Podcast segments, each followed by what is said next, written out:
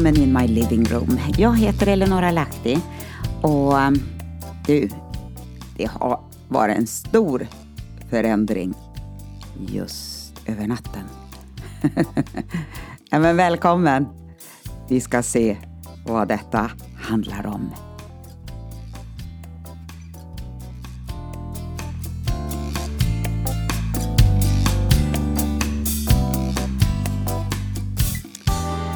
Ja, jag skulle göra ett program igår också, men du vet, det var så varmt. Det var så fantastiskt väder.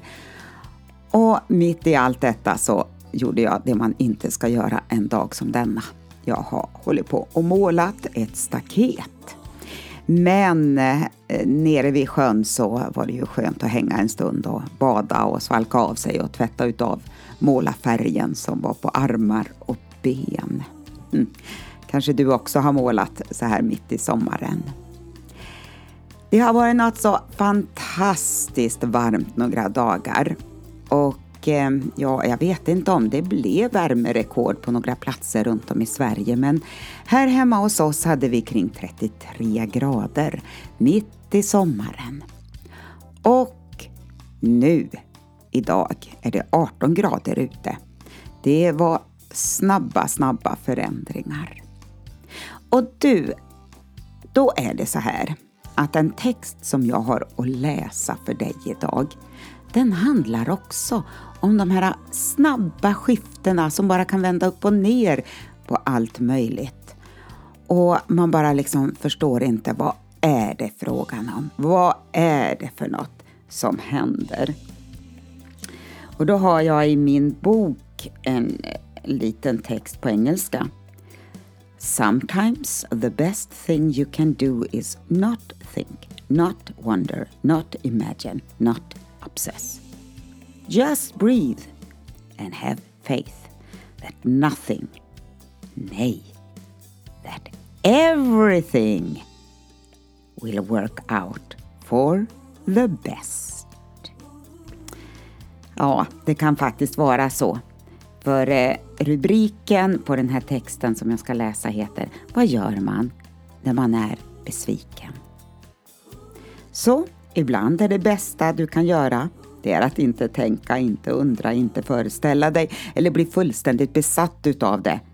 Utan bara andas och tro att allting kommer att ordna sig till det bästa till slut. Ja, det låter kanske väldigt enkelt. Och vi vet alla att det kan vara väldigt svårt många gånger. Men välkommen in my living room.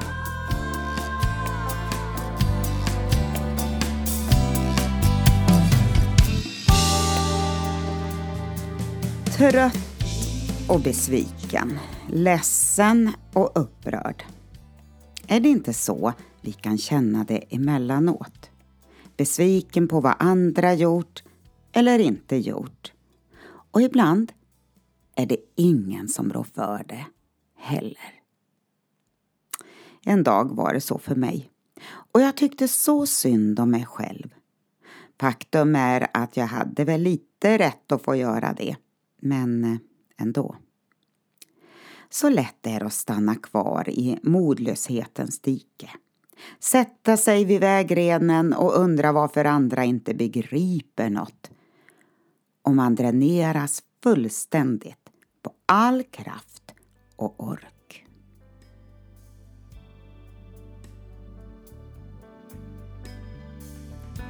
I Ordspråksboken kapitel 24 och vers 10 där står det så här. Låter du modet falla i nödens stund, då blir din kraft ringa. Att lära sig hantera känslor och knepiga situationer, det är en hård och utmanande del av livet. Och eh, jag vill påstå att om du ständigt söker andras uppmärksamhet och medömkan, ja, då ligger du i diket och har en tuff kamp att resa dig upp som du verkar inte vilja anta. För att inte tala om resan som ligger framför. ingen annan kan göra din del. Men hur gör man då? Gråt en skvätt. Bli arg. Men inse att det inte är vägen vidare. Lätta på trycket och låt själen få sin tid att komma ifatt.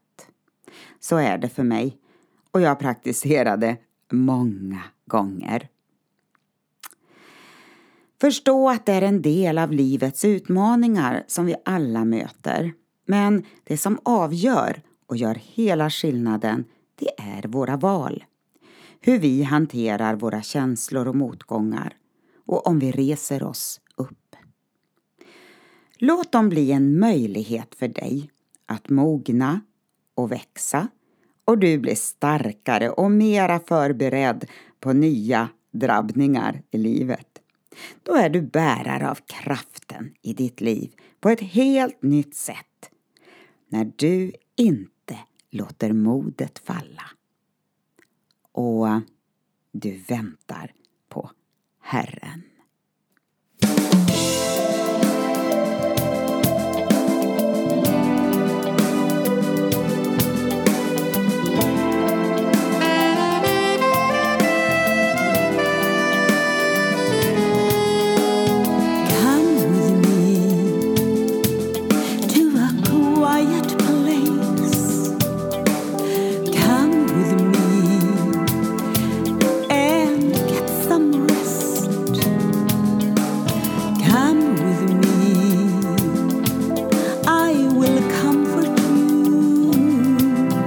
come with me and be with me.